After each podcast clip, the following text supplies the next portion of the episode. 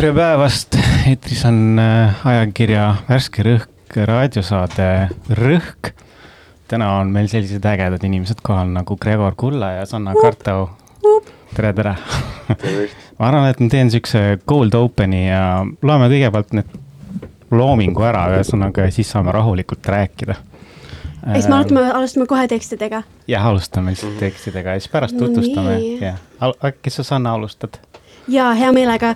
minu esimene luuletus on tegelikult hetkest, kui ma kaks aastat tagasi, see oli samuti novembris, mul saabub varsti sünnipäev.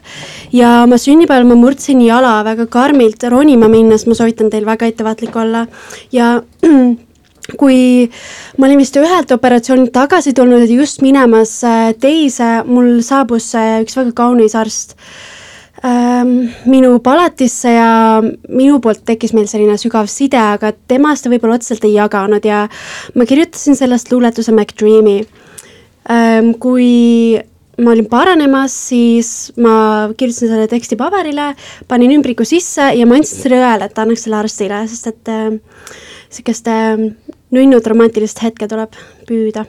MacDreami ma olin jälle liiga närvis, et su nime silti lugeda.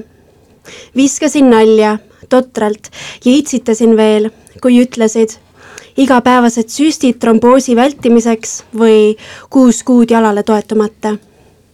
ma kihistan, päästetud, elevil noor ja jultunult uhke selle tunde üle.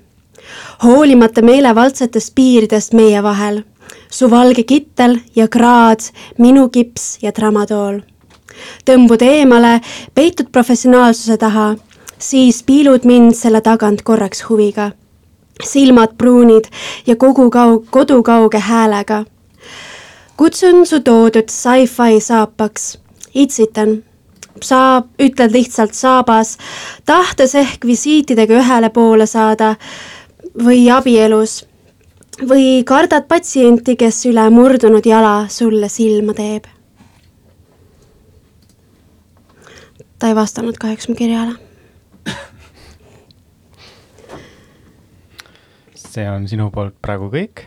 ai, mul on veel tekste iseenesest, ma võin tegelikult veel lugeda. lase käia. nii, hüva, hea meelega ähm,. lihtsalt teadmiseks, et siis äh, see on kusjuures asi, mida Tõnis ei tea, et äh, mul on varsti ilmumas kogu, seda Tõnis teab äh,. kunagi oli selle kogu nimi vahetus, aga enam ei ole, ma muutsin kogu nime ära. ma tean selle... seda uut nime ka. vana et kogul on uus nimi ka, milleks on. Ma hääletan selle äh, sõja poolt oma kehaga. minu see teine tekst, mille ma kaasa võtsin, selle nimi on Sinikas ja see on inglise keeles tõlgitud tekst äh, ja äh, inglise keeles oli selle nimi äkki The Diamond Blues. Ja bluusil on või sinistel on siis oma selline topelttähendus inglise keeles, et te võite seda meeles hoida, kui te seda teksti kuulasite aga püüan kehastada teatud äh, kompromissitust selle teosega. ammu aega tagasi otsustasin ma suuremõõtmelise elu kasuks.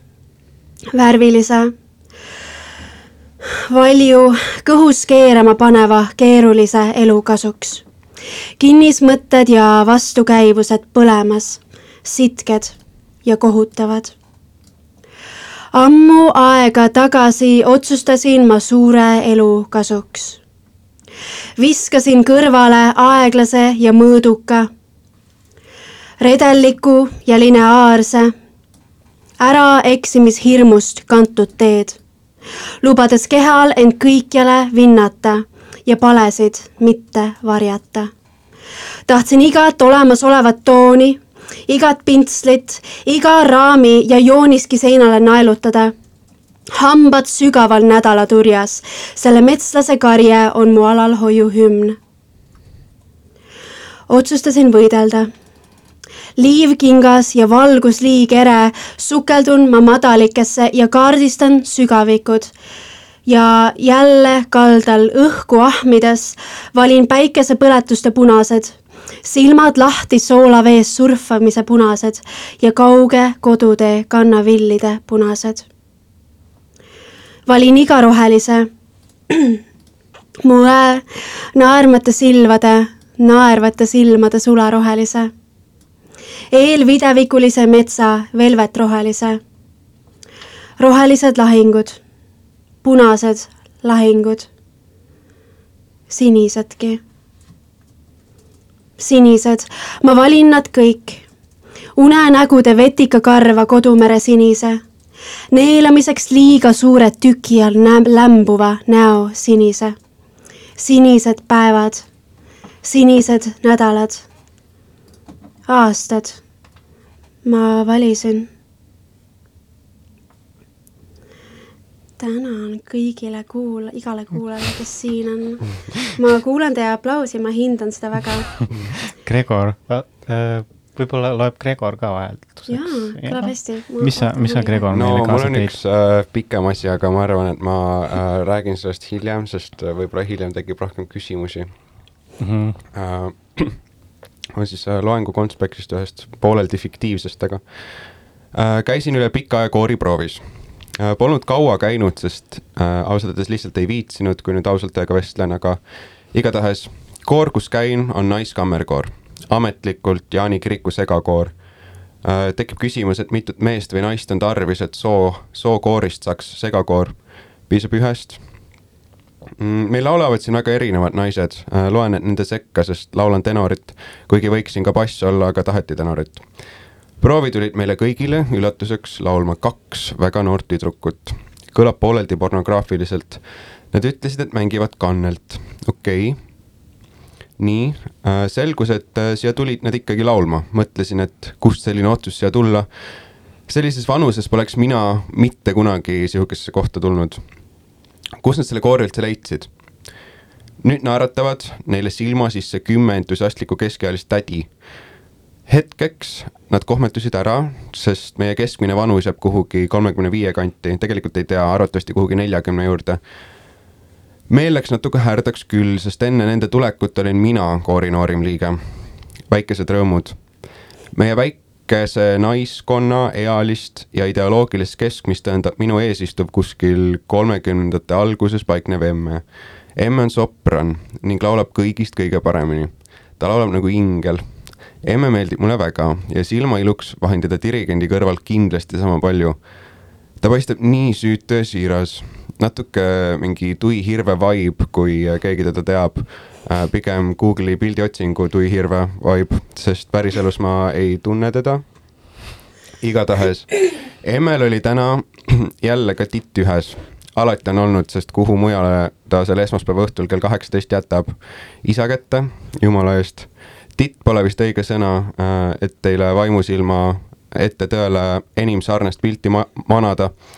tüdruk oli kuskil Maimiku ja Mürsiku vahepeal tegelikult, printsess me laulame vaimulikku repertuaari, mis kõlab teadagi poolmelanhoolselt ja väestavalt äh,.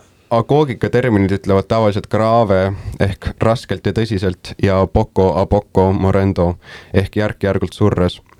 Sellepärast on titel väga lõbus ja lihtne meiega kaasa ümiseda, sest muusika äh, ja selle esitus äh, kõigub elu ja surma piirimail. Täna otsustas printsess end koos oma kodinatega minu selja taha istuma sättida tundus nagu tal oli kogu elamine kaasa pakitud, ma ei, ma ei, ma ei kujuta ette, kuhu tal kõik need asjad ära mahtusid. Kuidas nad üldse siia üles said, sest proov toimus Jaani kiriku rõdul, kuhu viib üksnes üks keskaegne klaustrofoobiline trepikäik. tekid, sokid, linad, toidud, paberid, pinalid, kotid, karbid kohe proovi algul otsustas ta oma tuppervaarest midagi sööma hakata. savi, millega tegu, kuid printsess on ju selles lätsutamise eas. kui suu veel kinni ei käi ja söömisele sekka tuleb pidevalt näppe imeda. lõpuks üks veresoon, siis teine. Sellest hoolimata, et äh, mul silmadest ja kõrvadest verd hakkas imitsema ning ma endale vasaku käe pöidla vastupidi murdsin, sutsin ma mingi tasakaalu leida rahustasin end mõttega, et kaua ta ikka sööb.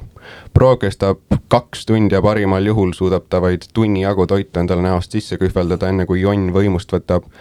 aga kiriku seinte vahel sündis ime. Jeesus Kristus enda silmade all, spektaakel, miraakel, vaikus sündis. Kuid ime oli lühike, sest ma tõepoolest ei oska öelda, mida ta sööma hakkas see kõlas lihtsalt juba ebainimlikult, ma ei julgenud vaadata ka, sest tundsin, et mu pilk olnuks nii terav ja mürgine, et see muudab selle printsessi auruks. hakkasin end näpistama ning spekuleerisin, et tegu peab olema mingi kivist või, või luust või puidust kurgiga, mida ta suu lahti krõmpsutas, järas. lihtsalt üle mõistuse. mõtlesin päris ausalt, et siin ootabki mind ees minu lõpp. see on see the ultimate test ja ma kukun selle läbi. Ilus koht vähemalt, Jaani kirik. eks oli mõneti piinlik ka nii ilusas kohas nii koledaid mõtteid mõelda. mõtteid, mida ma selle titega teeksin, oi, mida ma temaga teeksin. visualiseerisin seda, kuidas ma selle kuradi fucking kurgi talle kurku kinni lükkan ja ma ei tea, ma lihtsalt ei suuda ette kujutada midagi hõledamat kui söömishääled. ma ei usu, et on olemas midagi rõvedamat kui mingi ahtri niiske lätsamine. sügavalt kahtlen, et on.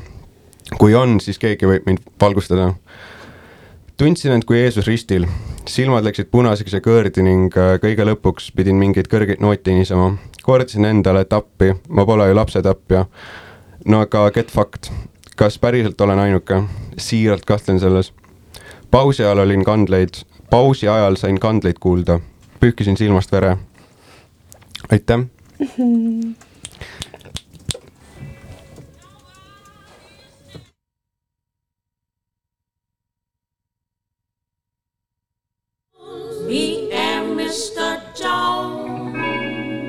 What kind of fuckery is this? You made me Mr. Slick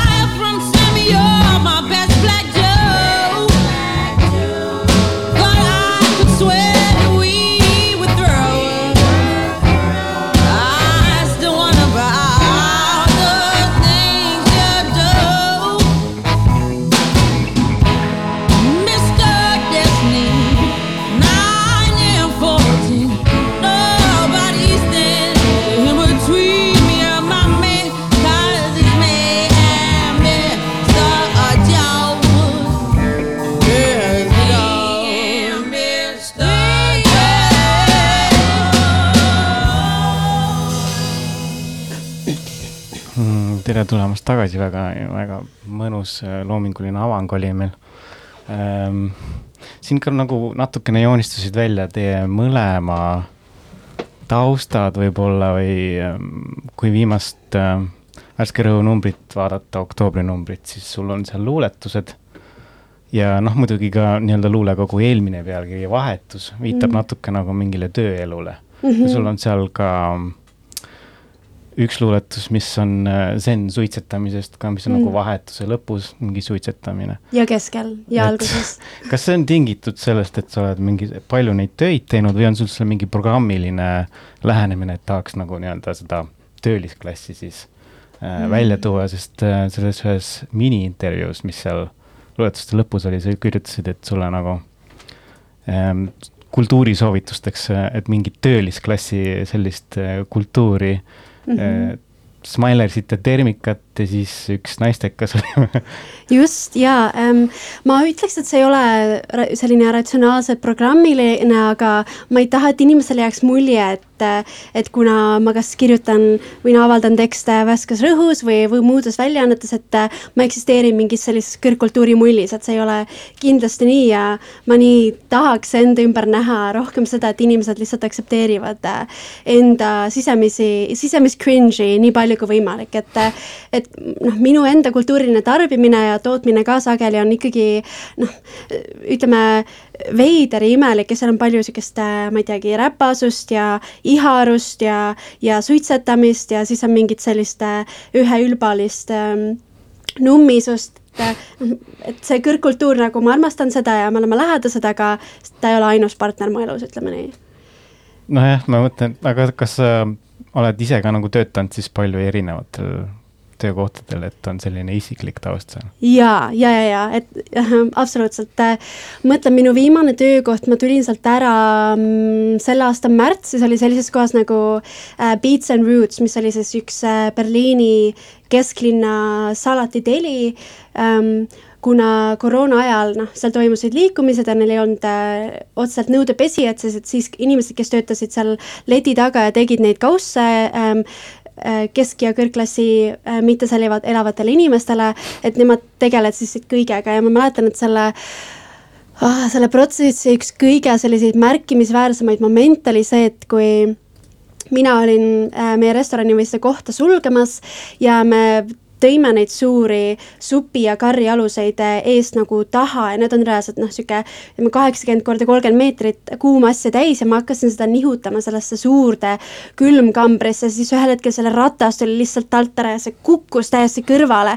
ja kell oli juba liiga hilja, ma olin liiga väsinud selleks, et hakata koristama mingit räpast rasvast kuuma karrit sellest kuradimaa külmikust üles ja, ja selliseid alandavaid ja nagu sügavat viha tekitavaid momente on teenindustöös nii palju ja sul ei ole mitte mingit varianti peale selle, et sa nagu, nagu nutad, eks ju, teed äh, sellest kuradi karrist seal maas, mul on ilmselgelt väga sügavad emotsioonid selles, seoses just selle spetsiifilise episoodiga ähm,. ja siis sa hakkad nagu koristama ja kasutad võib-olla äh, seda kuradi pisikest harja ja, ja labidat, et seda nagu alguses üles saada ähm,. sa ütlesid, et nagu see tekitab vihasust, kelle vastu see tekitab selle keskklassi ja kõrgklassi tüübi no vastu? selle situatsiooni, eks ju, no esiteks, kes tegi otsuse minna Berliini, kus mul ei ole sidemeid, ei ole keelt ega ei ole ähm,, ei ole, ütleme noh, mingeid hariduslikke kredentsiaale nende jaoks, mina tegin selle otsuse, eks see on viha minu vastu.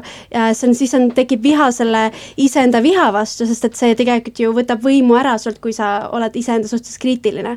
ja oled vihane klientide vastu, kuigi nad otseselt midagi ei ole teinud, aga nad ei tunnusta ka piisavalt sind selle eest, et millist eneseohverduslikkust sa pidevalt seal välja näitad. ja ülemuse vastu ja siis loomulikult nagu selle äh, suure raamstruktuuri ehk siis äh, neoliberaalse kapitalismi vastu ähm,. et see on see emotsiooni eksternaliseerimise protsess. sinna me veel jõuame, ma küsin nüüd Gregorilt ka, sul oli väga kõl-, kõrgkultuuriline tekst erinevalt Sannast um, sa ilmselgelt oled muusikainimene. Kas see lõik oli kuskilt mingist päevikust rohkem või? ei, see oli äh, ühest loengu konspektist, sinna tegelikult vahele, see on päris pikk tekst, sinna vahele tuleb mingi Uudo Kasemetsa mõtted sellest, kuidas äh, kuulmine üldse töötab ja miks, äh, et kui ma proovisin kuidagi põhjendada seda siis mingitele viidetele tuginedes, et miks miks ma tunnen selliseid asju ja miks sellised hääled äh, ajavad mind nii jõhkralt endast välja.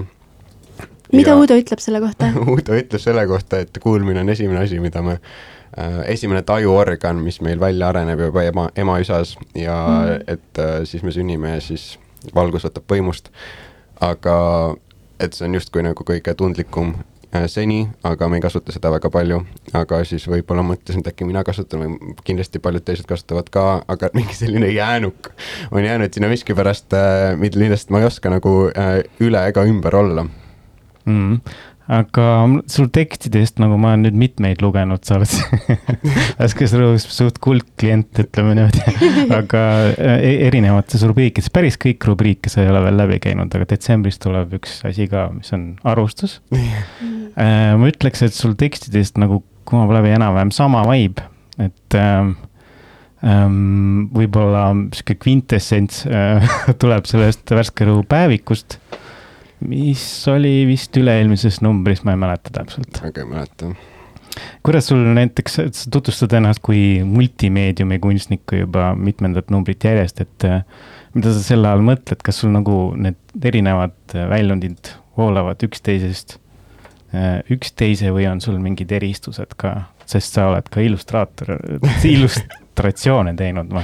ja tegin ja, ei, ma ei tea, see on lihtsalt võib-olla veits selline äh, fuck you kõigile miks? ma ei tea, või lihtsalt mind äh, hästi, ma ei tea, hästi palju neid mingi nõmedaid hetki olnud, kui äh, olen öeldud, et ma ei tea, no a la kirjutasin kunagi ajakirja Muusika ja seal on üks kohutav toimetaja. ja siis. nimed palun. ta Tulevik- tulevikus- tuleviku mõttes ei ole vaja öelda. see on pikk lugu ja see jätkub tänase päevani, nagu ma ei saa üle ega ümber sellest, sest ma pean temaga koostööd tegema ärme riku su tulevasi töösuhteid ära. ja siis äh, seal, et ala, noh, millega ma ennast tituleerin ja kas on ühiskondlikus mõttes äh, mingit pidi aktsepteeritavad, kui ma ütlen enda kohta helilooja, kas siis äh, või noh, seal ei pandud seda, sest äh, ma ei ole helilooja. Ja siis ma, ma noh, sellepärast, et ma ei ole a la läbinud mingit magistrantuuri. aga sa oled võitnud auhindu ja värki, noor helilooja. see ei huvita kedagi või no vähemalt teda ei kas sul huvita. SoundCloud on? no täpselt, et ei, võib-olla see jäi puudu, aga kuidagi see, kuna ma tegelen või no mulle väga meeldib tegeleda erinevate asjadega ja ma justkui ei taha millegi läbi ennast defineerida, okei okay,, jah, ma tunnen, et ma teen midagi võib-olla rohkem kui midagi muud, aga see käib ka hooti väga tugevalt. Et äh, siis on äh, kuskil on kirjas, olen helilooja oboist kuskil mujal, et äh, mingisugune multimeediakunstnik ja kuskil mujal kirjutaja või kriitik või mis iganes.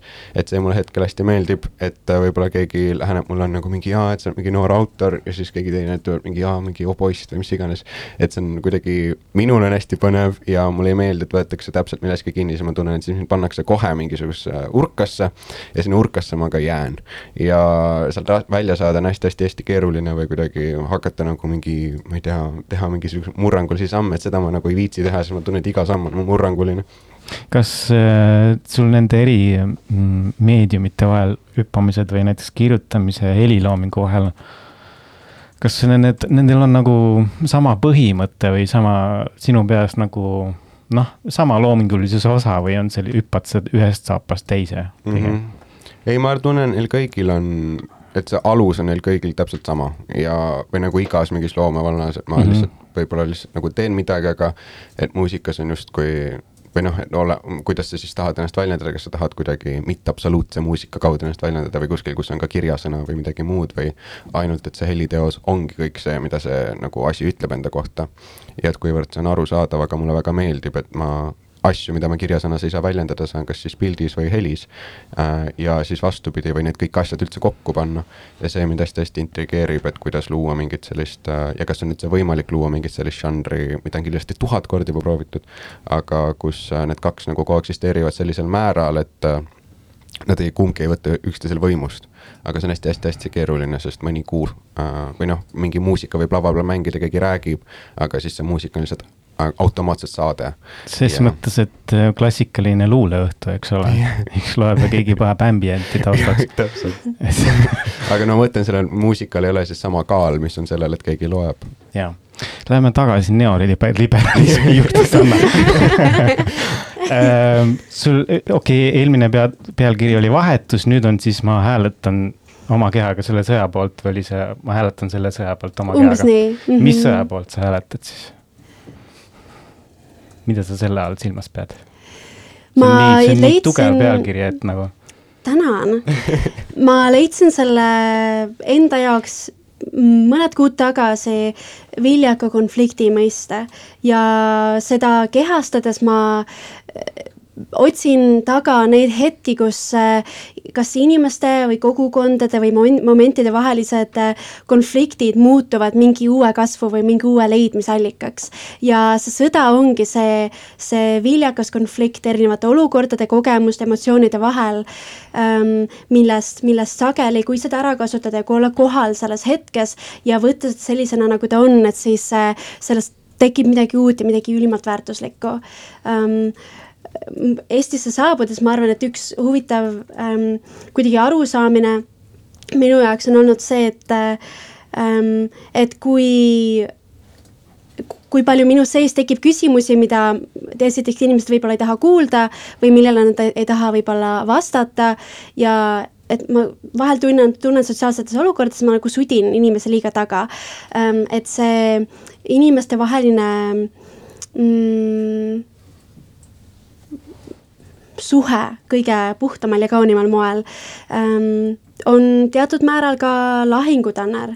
Ähm, suhe, suhted äh, näitavad, et mis kohad meie enda sees on sõna, sõja jalal ja, ja inimeste vahel ka, et ma arvan, et see, et suhe on, on see, kus see sõja mõiste minuni jõudis see on üsna niisugune positiivne, aga näiteks kui konservatiivne seltskond räägib siin kultuurisõjast, siis ma ei näe küll väga viljakat nagu mingisugust -hmm. kontakti seal, pigem nagu veits masendav mm. -hmm. ja aga no ma arvan, et see on, tuleneb teatud määral mitte just see, kuidas nemad seda kultuuri seda kirjeldavad, aga, aga ma arvan, et meie suutlikkus olla viljakas konfliktis ähm,, kas siis vasakpoolsetena või üldse nagu liberaalsete maailma kodanikena, ta on nagu vähenenud, et äh, noh, mina ise olen tund-, tundsin enda poliitilise aktiivsuse alguspäevadel sellist suurt äh, hurraa-haa momenti, et ma tahan nagu engage ida nii palju kui võimalik, siis ma tõmbusin ülimalt tagasi, et selleks, et äh,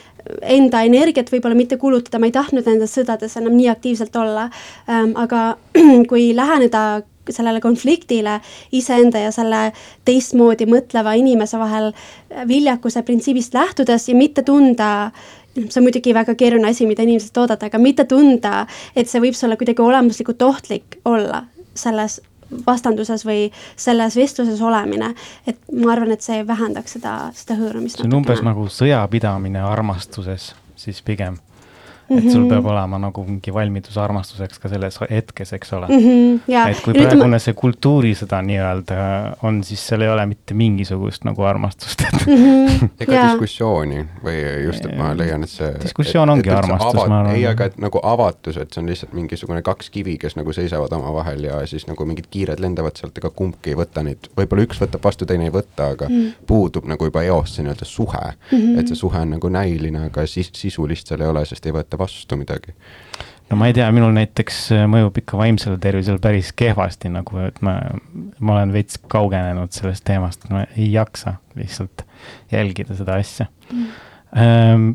no sellesamuse sõja või nagu viljaka konflikti alal võib-olla ka liiguvad teie tekstid selles, selle, sellel moel, et, et neist kumab läbi nagu tahe natuke raputada seda heteronormatiivset ja, ja patriarhaalselt ähm, maailmavaadet. Ähm, näiteks, ma küsin otse siis, Gregor, et sa kirjutasid päevikus, päevikus, et äh, on kaht tüüpi inimesi, peded ja geid. no seleta lahti siis, mida see tähendab. ja kumb mina olen ja kumb sina oled? sellel on, mida, ma ei tea, ma ei mäleta isegi, mis impulsi see alguses tuli, alguses see tuli vist sellise väga stereotüüpsel impulsil, et on kuidagi stereotüübid ja on mittestereotüübid ja siis samal ajal tuleb see nagu avanes see teistpidi, et on nii-öelda peded, kes on lihtsalt värjad. Ja ja, ja mitte üldse nagu, või noh, selles mõttes pede on sõimusõna, millega otseselt ei mõeldagi sisu äh, ja siis on nagu geid või nad on nagu äh, eraldi äh, et nagu seda lähenemist on nii, nii mitut erineval moel, et seda, need kaks olid kuidagi, mille peale ma mõtlesin, aga see nagu sünd äh,, sel-, selle fraasi sünd oli äh, puhtjuhuslik äh, mõnes mõttes mm.? no jah, sa vist toimetusprotsessis seletasid ühte neist, kas pedesid, et see on nagu niisugune maavillane. Gei, gei on linnak, linnakas, okei. Okay.. kõlab kuidagi loogiliselt või no ma räägin või lihtsalt, ma ei tea, mul on üldse nagu viha veits selle, nende sõnadega või et äh, gei ja homoseksuaalne ja mingi omasooihaar, mis on minu mingi keelepruugis olnud üha enam, sest äh, see on lihtsalt kuidagi sõna, mis ei ole veel mingit äh, maiku endale kõrvale loonud äh,. ja pede ka või see Sirbi tekstis ka, et äh, lähtepositsioon oli see, et äh, ahaa, me oleme kõik peded äh,. et, sest see on kuidagi selline sõna, mis äh, kannab endas nii palju erinevaid asju ja kuidagi nagu mingi müürina juba eo sees. et see mulle meeldis äh,. aga jah, muidu selline väga isiklik äh, suhe lihtsalt mingi keelega okei isiklik suhe, aga et see põhimõtteliselt äh, selle seksuaalsuse teemaga ja soo teemaga ka Mm. siis suhestud pigem isiklikul tasandil ja mitte mm. -hmm. kultuurilisel. no mõlemal, selles mõttes, et ma endiselt äh, selline mingi seksuaalsus enda puhulgi on väga selline hall ala äh,. sest ma tunnen, et minul see kindlasti ei ole nagu kindel mitte mingil moel. ja sel-, seeläbi on nagu mu huvi väga suur, sest eos ju tahab, tahame kõik ennast defineerida, olla nagu, ah, ma olen see või mina, ma ei ole too või mis iganes, siis ütled mingi, ma ei tea homoromantiline demiseksuaal või hakkad ütlema mingisuguseid selliseid asju. sul oli hea see äh, väljend, siin oli küsimärk seksuaal. või et nagu täpselt, et ma ei tea, minul, minu puhul ja see on nagu jälle hästi-hästi subjektiivne, see mõni ütlebki, et ta ongi puhas heteroseksuaalne ja see on nagu täiesti okei okay,, aga lihtsalt mina ei tunne, et ma saaks midagi sellist, tõupuhas, et ma saaks midagi sellist enda kohta öelda nagu mitte sellepärast, et ma ei luba seda, vaid lihtsalt, et ma ei, ma tõesti ei tea äh,. sest neid intsidente, mingi olemuslikku kogemusi on olnud nii, nii erinevaid ja mulle see endale väga meeldib. ja seeläbi kuidagi ma ei tea, ma tahan seda kuidagi nagu sisse tuua või seda väljendada või et äkki on neid, neid inimesi on kindlasti veel, aga lihtsalt tänapäevases ühiskonnas äh, see on nagu, see ei ole okk või et sa ei, sa ei, mitte ei sobi kuhugi, sa loomulikult sobid igale poole, aga lihtsalt, et see tunne, et ah, ma ei ole nagu nemad või et äh, see võib haiget teha ja see on nõme. kas, kas sa tunned, et see tänapäeva ühiskond ümbritseb sind enamasti nagu oma isiklikus elus mm., sa saad olla piisavalt vaba? Mm,? ma ei usu või ma ei leia, et äh, see siin mind nii palju ümbritseb või et kõik mingisugused sellised impulsid, mis ma tahan teha või milline oma sõpradega olla või mingeid asju tõestada, nende, neid ma pean tõestama, et äh, see ei ole selline eos vaba, sest me kõik tunneme samu asju ja äh, sellist mingit täielikku, ma ei tea, seksuaalset või mis iganes vabadust on suhteliselt võimatu siin hetkel veel saavutada, sest kõik on varjutatud ju nendest mõtetest ja tunnetest, olenemata, kas keegi teine ka tahab neid teha või mõelda või, või näha.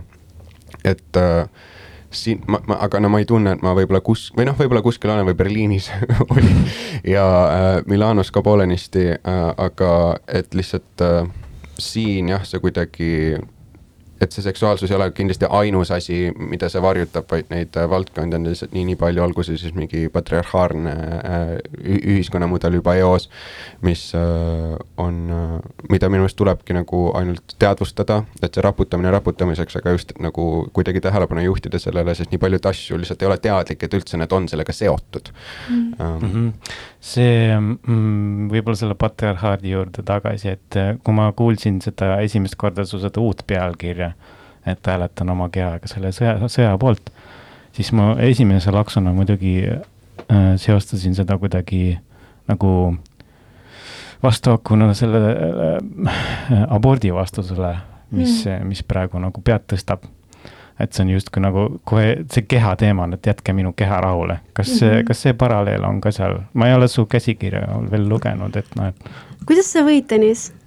Kelleks sa ennast pead, kuidas sa seda lugenud ei ole, see on ju teil toimetuses olemas. Mm,, mina plaanin seda ma, väga ma, isiklikult võtta Helena praegu. ei ole saatnud mulle mitte midagi. Mm, ütleme, see spetsiifiline konnotatsioon ei olnud, et ma arvan, et see, et ma hääletan selle sõja poolt oma kehaga, see tuli ka natukene nagu ähm, minu ütleme sellisest kehalisusest lähtuvalt just selles mõttes, et äh, nüüd, kui ma olen Tallinnas tagasi olnud, ma olen hästi palju kohtingutel käinud ja enamasti äh, meestega. Ja alati, kui ma nagu nendega hotellituppa lähen või kui ma nendega äh, nende räpasesse korterisse lähen või kui nemad minu juurde tulevad, et siis seal on mingi selline konflikt ähm, ütleme, minu soovi vahel seal olla ja seda kogeda ja siis selle vahel, et mida, seda hüpoteetilist ohtu, mida see võib endast kujutada ja siis kolmandaks nagu see reaalsus, mis sageli valmistab pettumust või on nagu segadust tekitav, et näiteks kolm esimest tüüpi, kellega ma magasin, nad kõik kägistasid mind voodis.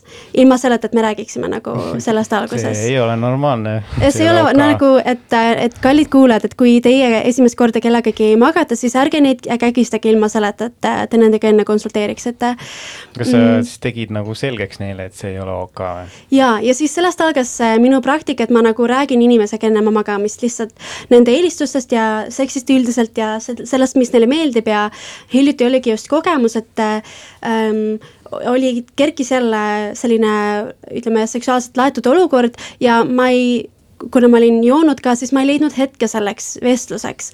ja ma pidin poole pealt lõpetama, sest ma olin nii harjunud seda vestlust pidama, et ilma selle vestluseta nagu selle, sellesse olukorda sisse minemine lihtsalt puudutamine nagu ei tundunud enam nii hea.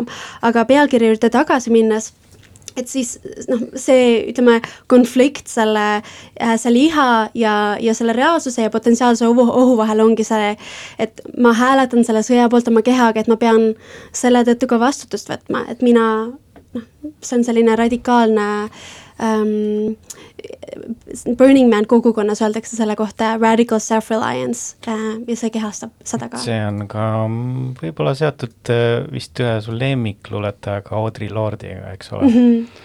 et ma mäletan, ma ei tea, täpset tsitaati ei mäleta, aga ta vist ütles, et äh, et self-care või enesehool on nagu poliitiline akt või noh, selles mm -hmm. mõttes, et see, et sa hoiad ennast tervena ja tugevana on just selle nii-öelda valitseva süsteemi vastu, mis tahab sind represseerida rohkem mm. -hmm just, ja teisalt Audre Lorde on rääkinud ka sellest, et kui ähm,, kui jõustav ja oluline väärtus on erootilisusel ja erootilisel energial meie, meie elu sellise loomingulise potentsiaali äh, täielikuks saavutamiseks.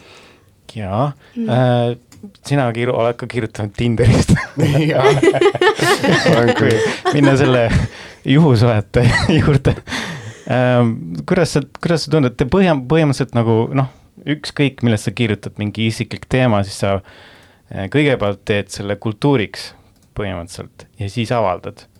et ehm, kas teil läheb ka mingisugune piir kuskilt, et eh, okei okay,, ma räägin oma juhesuhe, juhusuhetest või nende puudumisest või, või puudutuse vajadusest, läheduse vajadusest, eriti Gregori tekstidest on see nagu kumab väga mm -hmm. lähe, läbi, et et ähm, kas see nagu kultuuriks saamine või avalikuks toomine ka tekitab teatud võõristusefekti teis mm,?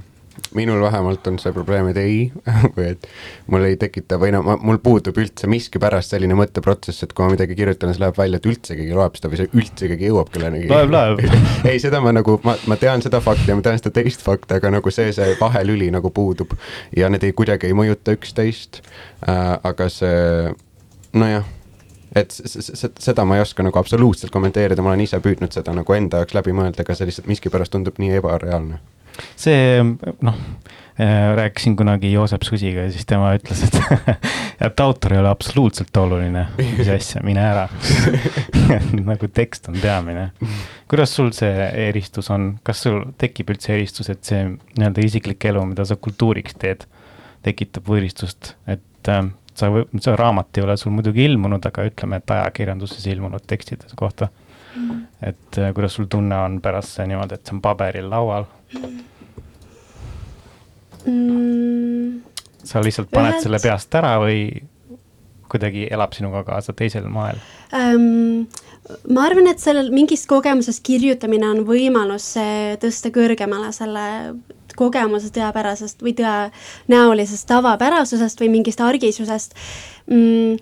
kui küsida, et kas ma vahel mõtlen nagu, et oleks võib-olla parem olnud, kui ma ei oleks sellest niimoodi rääkinud ähm, ma praegu ütleks jätkuvalt, et ei, aga noh, üks oluline asi, mida siin välja tuua, on see, et, et minu puhul ma olen märganud, et äh, ka sotsiaalsetes olukordades, et see, et ma tahan nii palju ja nii kiiresti ja nii piirideta teiste inimestega jagada, on tegelikult natukene minu puhul ka traumareaktsioon mm. -hmm. et kui ma avan endast nii palju kui, kui võimalik ja hästi kiiresti, siis on tõenäoline, et see teine inimene tunneb ennast ka enda asjades vähem üksi ja see seob ta minuga ja siis minu suur, suur nagu hirm, et inimesed jätavad mu maha ja ma jään täielikult üksi. sul on hülgamise hirm et jah, Tõnis, mul on hülgamise hirm out there now täna läheb kell kolm läheb saat-, eetrisse üks teine saade, mis on vaimsest tervisest.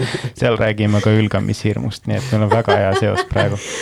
Äh, ma loodan, et kõik panid tähele, kuidas äh, Tõnis lihtsalt kasutas minu vaimset raamat selleks, et oma järgmist saadet plaagida Sorry, sorry, vabandust.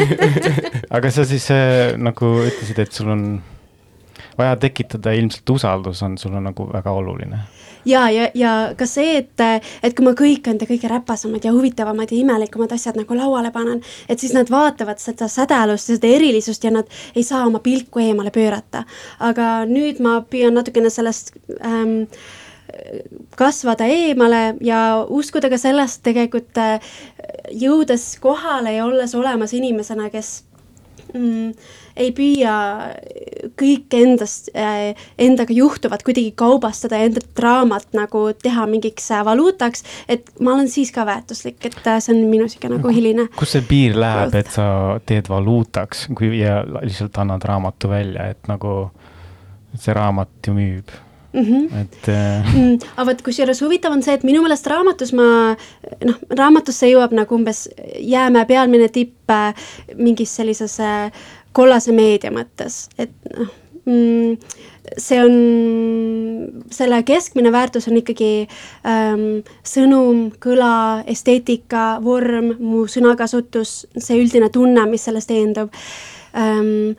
aga a la näiteks paar aastat tagasi ma kirjutasin Ekspressi ühe loo OnlyFansist ja selle loo raames ma tegin endale ka OnlyFansi.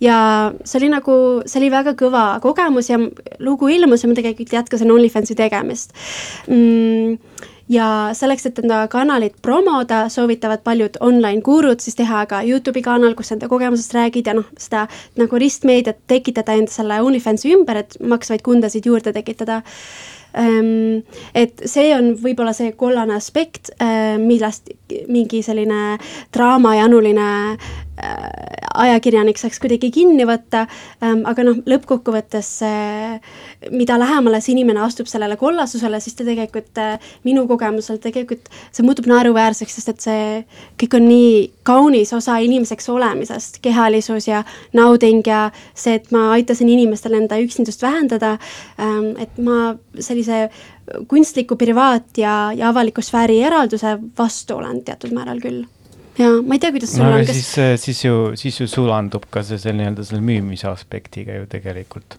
et kas, mis hetkest see nagu muutub, et äh, kui sa kirjutad artikli, ütleme, et viiekümne euri eest või saja euri eest, mida iganes mm, -hmm. ja paned sinna võimalikult palju isiklikku kraami või mitte võimalikult, paned isiklikku kraami, et noh, et see võib ka olla müümine, aga ma mm -hmm. nagu ei näe selles mingit erilist halba, kui sa selles siiras oled mm. -hmm. no ma leian, et mõlemad ongi ju ük-, või no selles mõttes, et al-, alguse juurde tagasi tulles, et see kuidagi privaat ongi ju kultuur või et nagu kõik on kultuur või noh, vau, aga et äh, selles mõttes, et minul kuidagi see ongi just see, mitte eesmärk, aga ma ei juba, kunagi ei ole näinud ka seda, et kõik, mida et see mingisugune tabu või mingi, miks üldse mingi tabu tuleb või miks mõne jaoks on imelik see, et keegi teeb OnlyFansi ja miks mõni on nagu issand jumal, et ta on mingi, ma ei tea, lits nüüd on ju. Äh, et äh, see ei ole absoluutselt minuga seotud, see ei ole sinuga seotud, äh, see on nendega seotud mm. ja mina ei saa selle eest mitte mingit vastutust võtta. kes mida teeb või kuhu minu asjad jõuavad või kas need on kollased, need ei ole kollased, kas minu jaoks need võivad olla näiteks väga-väga-väga eneseväljenduslikud ja väga, väga rikkad asjad, mida mulle väga meeldib teha ja et ma lihtsalt teen midagi, mis mulle meeldib ja siis noh, väljast tuleb see, neid äh, asju ja mingi silte ja mingi, et kuhu see jõuab, kuhu see ei jõua, mis iganes. aga see ei ole minu kontrolli all ja kui ma seda kontrollima hakkan, siis noh, see, siis see kaotab selle nagu minu jaoks selle väärtuse mm.. kuule, äkki mängime muusikat natukene? vabalt thank you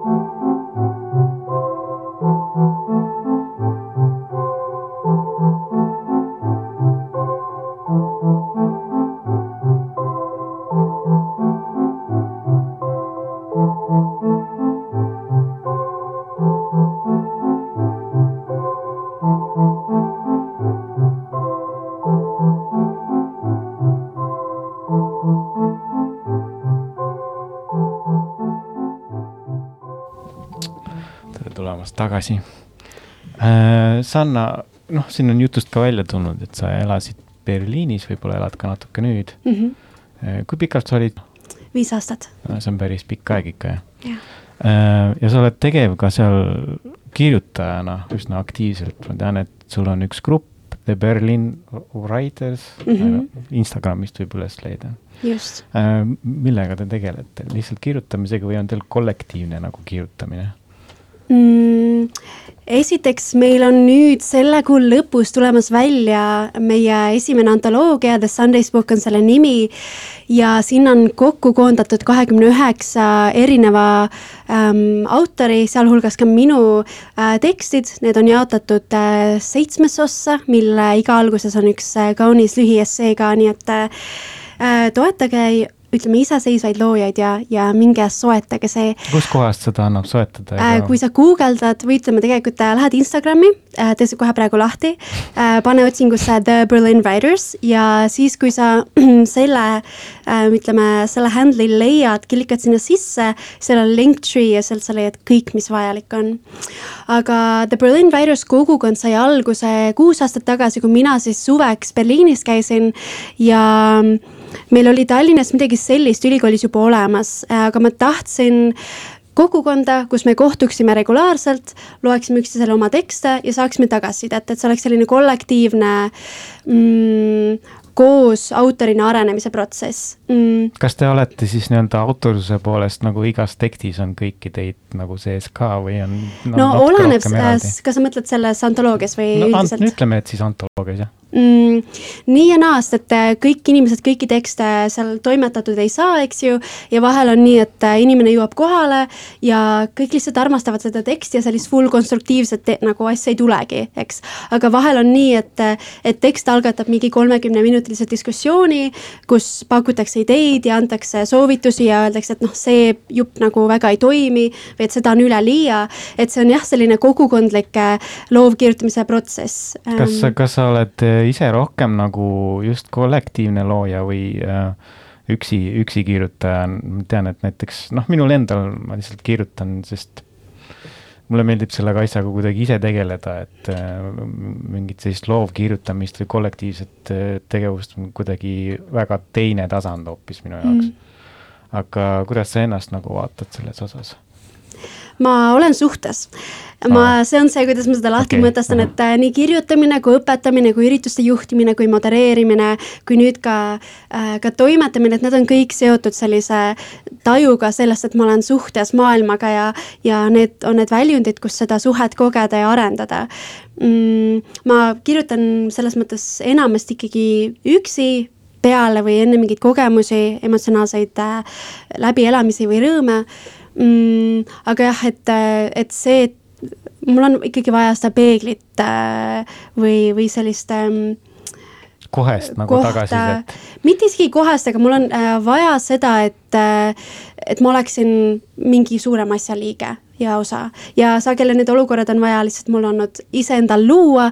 see skeene seal muidugi ülimalt rikas ja eriti nüüd, eks, et peale Berlin Writersit äh, olin ma tegev ka sellises kollektiivis nagu Berlin Untelevised ja mina ja minu partner, kes äh, on siis äh, Untelevised'i üks asutajatest, et meie asusime juhtima sellist, äh, ütleme, kureeritud loovkirjutamise ja muusika ja äh, tantsu ja performance õhtut, mille nimi oli Domicilium, et kui te otsite äh, Domiciliumist äh,, Domicilium sellist terminit Youtube'ist, et te leiate suure hulga kauneid videosid esinemistest ja, ja ette astetest ja kannetest, kus siis saab aru, et, et kui kõrgetasemeline ja kirglik ja haavatav ja, ja queer äh, Berliini luule ja muusika kogukond on ähm,. kuidas siis..., kuidas, kui, kui palju sa oled praegu siin Tallinnas näiteks tegev igasuguste kogukondlike asjadega, siin noh, küll väga palju neid gruppe ei ole, aga siin on näiteks ähm, kirjanduslik õhtu viimane neljapäev suhteliselt pikalt nagu käinud koos ja vist on ka mingid slämmid, Tartus on kindel slämmi keskkond mm. -hmm. et äh, kuidas sa seda erinevust näed? Et... ma ei ole siin väga käinud, et ja. ma ei tea, et äh, ma käisin viimasel neljapäeval viimane kord, kui ma Eestis olin, see oli ikka paar aastat tagasi, et ma ei ole jõudnud lihtsalt, et äh, et nii palju on käsil, et kui ma olen rohkem sisse elanud, siis saan parema vastuse anda mm.. Gregor, äh, kirjutades, kas sa pigem oled üksi või on sul ka mõni grupp äh, nii-öelda sõpru, kes kohe võtavad su tekstid lahti? äh,. täiesti, täiesti, täiesti üksi või ma, või mingid sõbrad kindlasti on, kellele ma võib-olla saadan neid, aga see on pigem selline lõbus asi, sest äh, ega ma nagu midagi otsest äh, tagasi ei saa või nagu sellist kriitikat ei saa mm,. kas sa? tahaksid seda? jah, loomulikult tahaks Okei. okay. nagu ma tahaks, et sanakartau.gmail.com nagu mingit sellist äh, nagu jah, ma tean, et ma ise ehmun sellest ära, aga see ongi just see, mida ma tahan või ja, ja see mulle väga meeldib, aga muidu jah, sada protsenti selles mõttes üksi ja ei ole otseselt nagu olnud, on küll, on küll olnud äh, nende neid mingisuguseid koosloomisi, meil on see residendi grupp, aga seal ka pigem jääb see mind häirima või et mulle, ma ei ole väga suur mingi koostööfriik, juhul kui ei ole inimesed, kellega ma seda väga-väga-väga naudin teha. oleks see nüüd teie võimalus praegu luua mingid Tallinna kiirutajad Jah. Mhm. Hakake pihta Ähm, äh, võib-olla mingil muul teemal, Gregor, sa oled ka väga ilus inimene modell üsna sageli, Insta järgi on ka Mhm. mm. aktiivne. ja sa vist käisid ka Milanos Mm -hmm. ja üsna nagu professionaalsel tasandil siis mm Mhm. -hmm. otsisid ja said ka tööd siis. Äh, või noh, see oli see koroonaaeg, seal oli, või noh, mina otseselt ei taha sellega tegeleda, aga mul on Eestis agentuur ja siis äh, Milanost oli huvi ja siis nad tahtsid mind sinna ka agentuuri.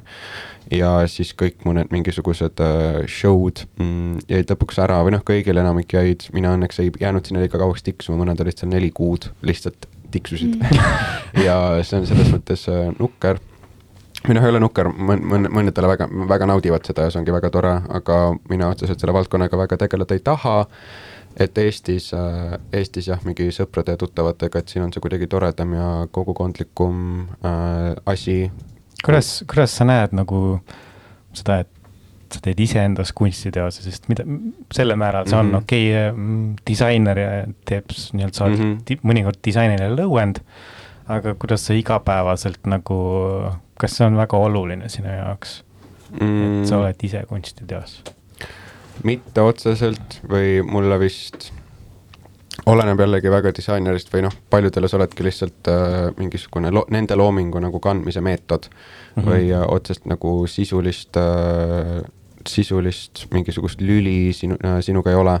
aga sul on mõni nagu disainer Jaa., kellega sul on koostöö ja kelle nagu asju Mhm. sa suunad ise oma keha ja mõtetega? ja Karl-Jonas Alamaa on mul väga-väga-väga või noh, üks parimaid sõpru ja tema või noh, tema on lausa nagu mingi kontseptsiooniliselt äh, minu ümber rajanud või üldse nagu või noh, kuna me mõtleme väga sarnaselt, siis äh, selle mõttelaadi mm, alusel siis loonud asju ja et kellega me oleme või noh, kellega me räägime ka väga palju sellistest asjadest ja kust ta saab impulssi ja mina saan temalt impulssi.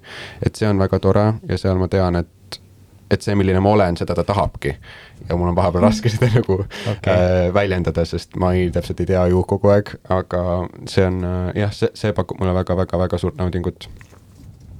et kui ma saan äh, nagu midagi pä- päriselt sellist teha, kus ma tean, et iga asi on nagu aktsepteeritav ja kus nähakse pigem mind kui lihtsalt minu keha või minu nägu. mingis mõttes on nagu, et ähm, selle kunstiteoseks tegemine või iseenda siis nagu, et teised loevad sind kuidagi. et ähm, kuidas sa tahaks, et teised sind loevad või milline teos sa tahaksid olla? see on nii jõhker küsimus, aga sorry. ei, ma ei, ma, ma millalgi oli väga suur fiksats-, fiksatsioon selle, selle alasel, ma ei tea, selle alaselt selles osas, et äh, milline ma tahan näida ja nagu, kas ma tahan olla mingi ethereal, mingi, ma ei tea, mis iganes asi või mida iganes, aga ma ei tea, noh, see on jällegi, et mina võin ju seda näha niimoodi ja ka kes see teine näeb seda? Ja pilt on jälle nagu niivõrd üks asi, et äh, pildi peal ma võingi näha välja nagu mingi selline müstiline või ma ei tea, mis iganes, sellise mingi unistav äh,, mida iganes on kasutatud, aga et äh, päriselus ma ei usu, et ma väga olen või nagu ma ei tunne ennast selles, sellena ära, võib-olla mingi väga sisemine mingi asi siis kohe on, et jah, võib-olla olengi ja mingi tegelikult olengi ja mida iganes, aga et äh, need on nii nagu nii, nii, nii, et ma võin iseennast rõõmsaks teha sellega, milline ma välja tahan näha, aga et äh, kellelegi teisena see, teiseni see väga ei jõua. kuidas, kui palju sa oma Instat kureerid, sest ma tean, et Sannal on väga sihuke mm, selge visuaalne mm. -hmm. keel minu arust. mul on Mingi hetk- veits kadestust väärne minu jaoks. Minu Instas või?? jah, selles mõttes, et sul on ikka ühtlane selline visuaalne nägemus asjast ja seda on nagu mõnus jälgida, see kuidagi mm, tekitab mingisuguse ees Mhm., ees, ees, Eeskuju. jah. et äh, mina, mul on Insta lihtsalt, et mingid sõbrad esimesed. noh, see, kuidas sina oma luuletusi postitad, on ka üsna nagu Nojah, ühtne, eks ju. see on kõige lihtsam viis, kuidas ta saada see tekst välja, lihtsalt pane pilt oma märkmikust, eks ole. Et aga ma seda mingi metsikult ei loo või ei loo mm. seda kuidagi, et oo, nüüd ma hakkan panema neid asju mm. -hmm. ma lihtsalt midagi näen, siis noh, mul on suht suvaline Instagram. mina ka vist kallistan seda entroopiat meeletult või et mulle meeldib, või no minu, ma üritan hoida seda platvormi nagu see on en, en, nagu enamjaolt ainult mu sõbrad või no ongi ja ma olen seda hoidnud niimoodi, et ma ei, mul puudub mingi seos nagu väliste asjadega seal. kas sa kasutad ka professionaalses mõttes seda Instagrami näiteks äh, modellitöö leidmiseks? ma, ma ei, ma ei taha seal olla professionaalne Selle- okei, selles okei. osas, et seal ongi nii nagu on ja et kellele, kes vaatab ja kellele meeldib, sellele meeldib ja see vaatab, aga mingit sellist kuvandit äh, ei taha üldse.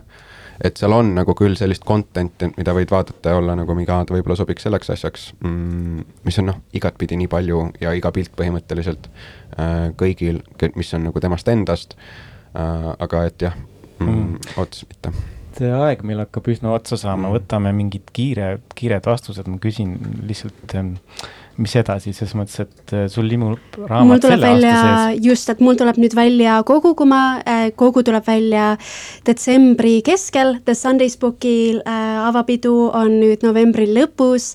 ma alustan Müürilehe kultuuritoimetajana nüüd ka detsembrist. tänan, et äh, noh, palju on käsil ja ma pean nii palju energiat hoidma ja vajan nii palju tuge ka teilt, armsad kuulajad, kui võimalik.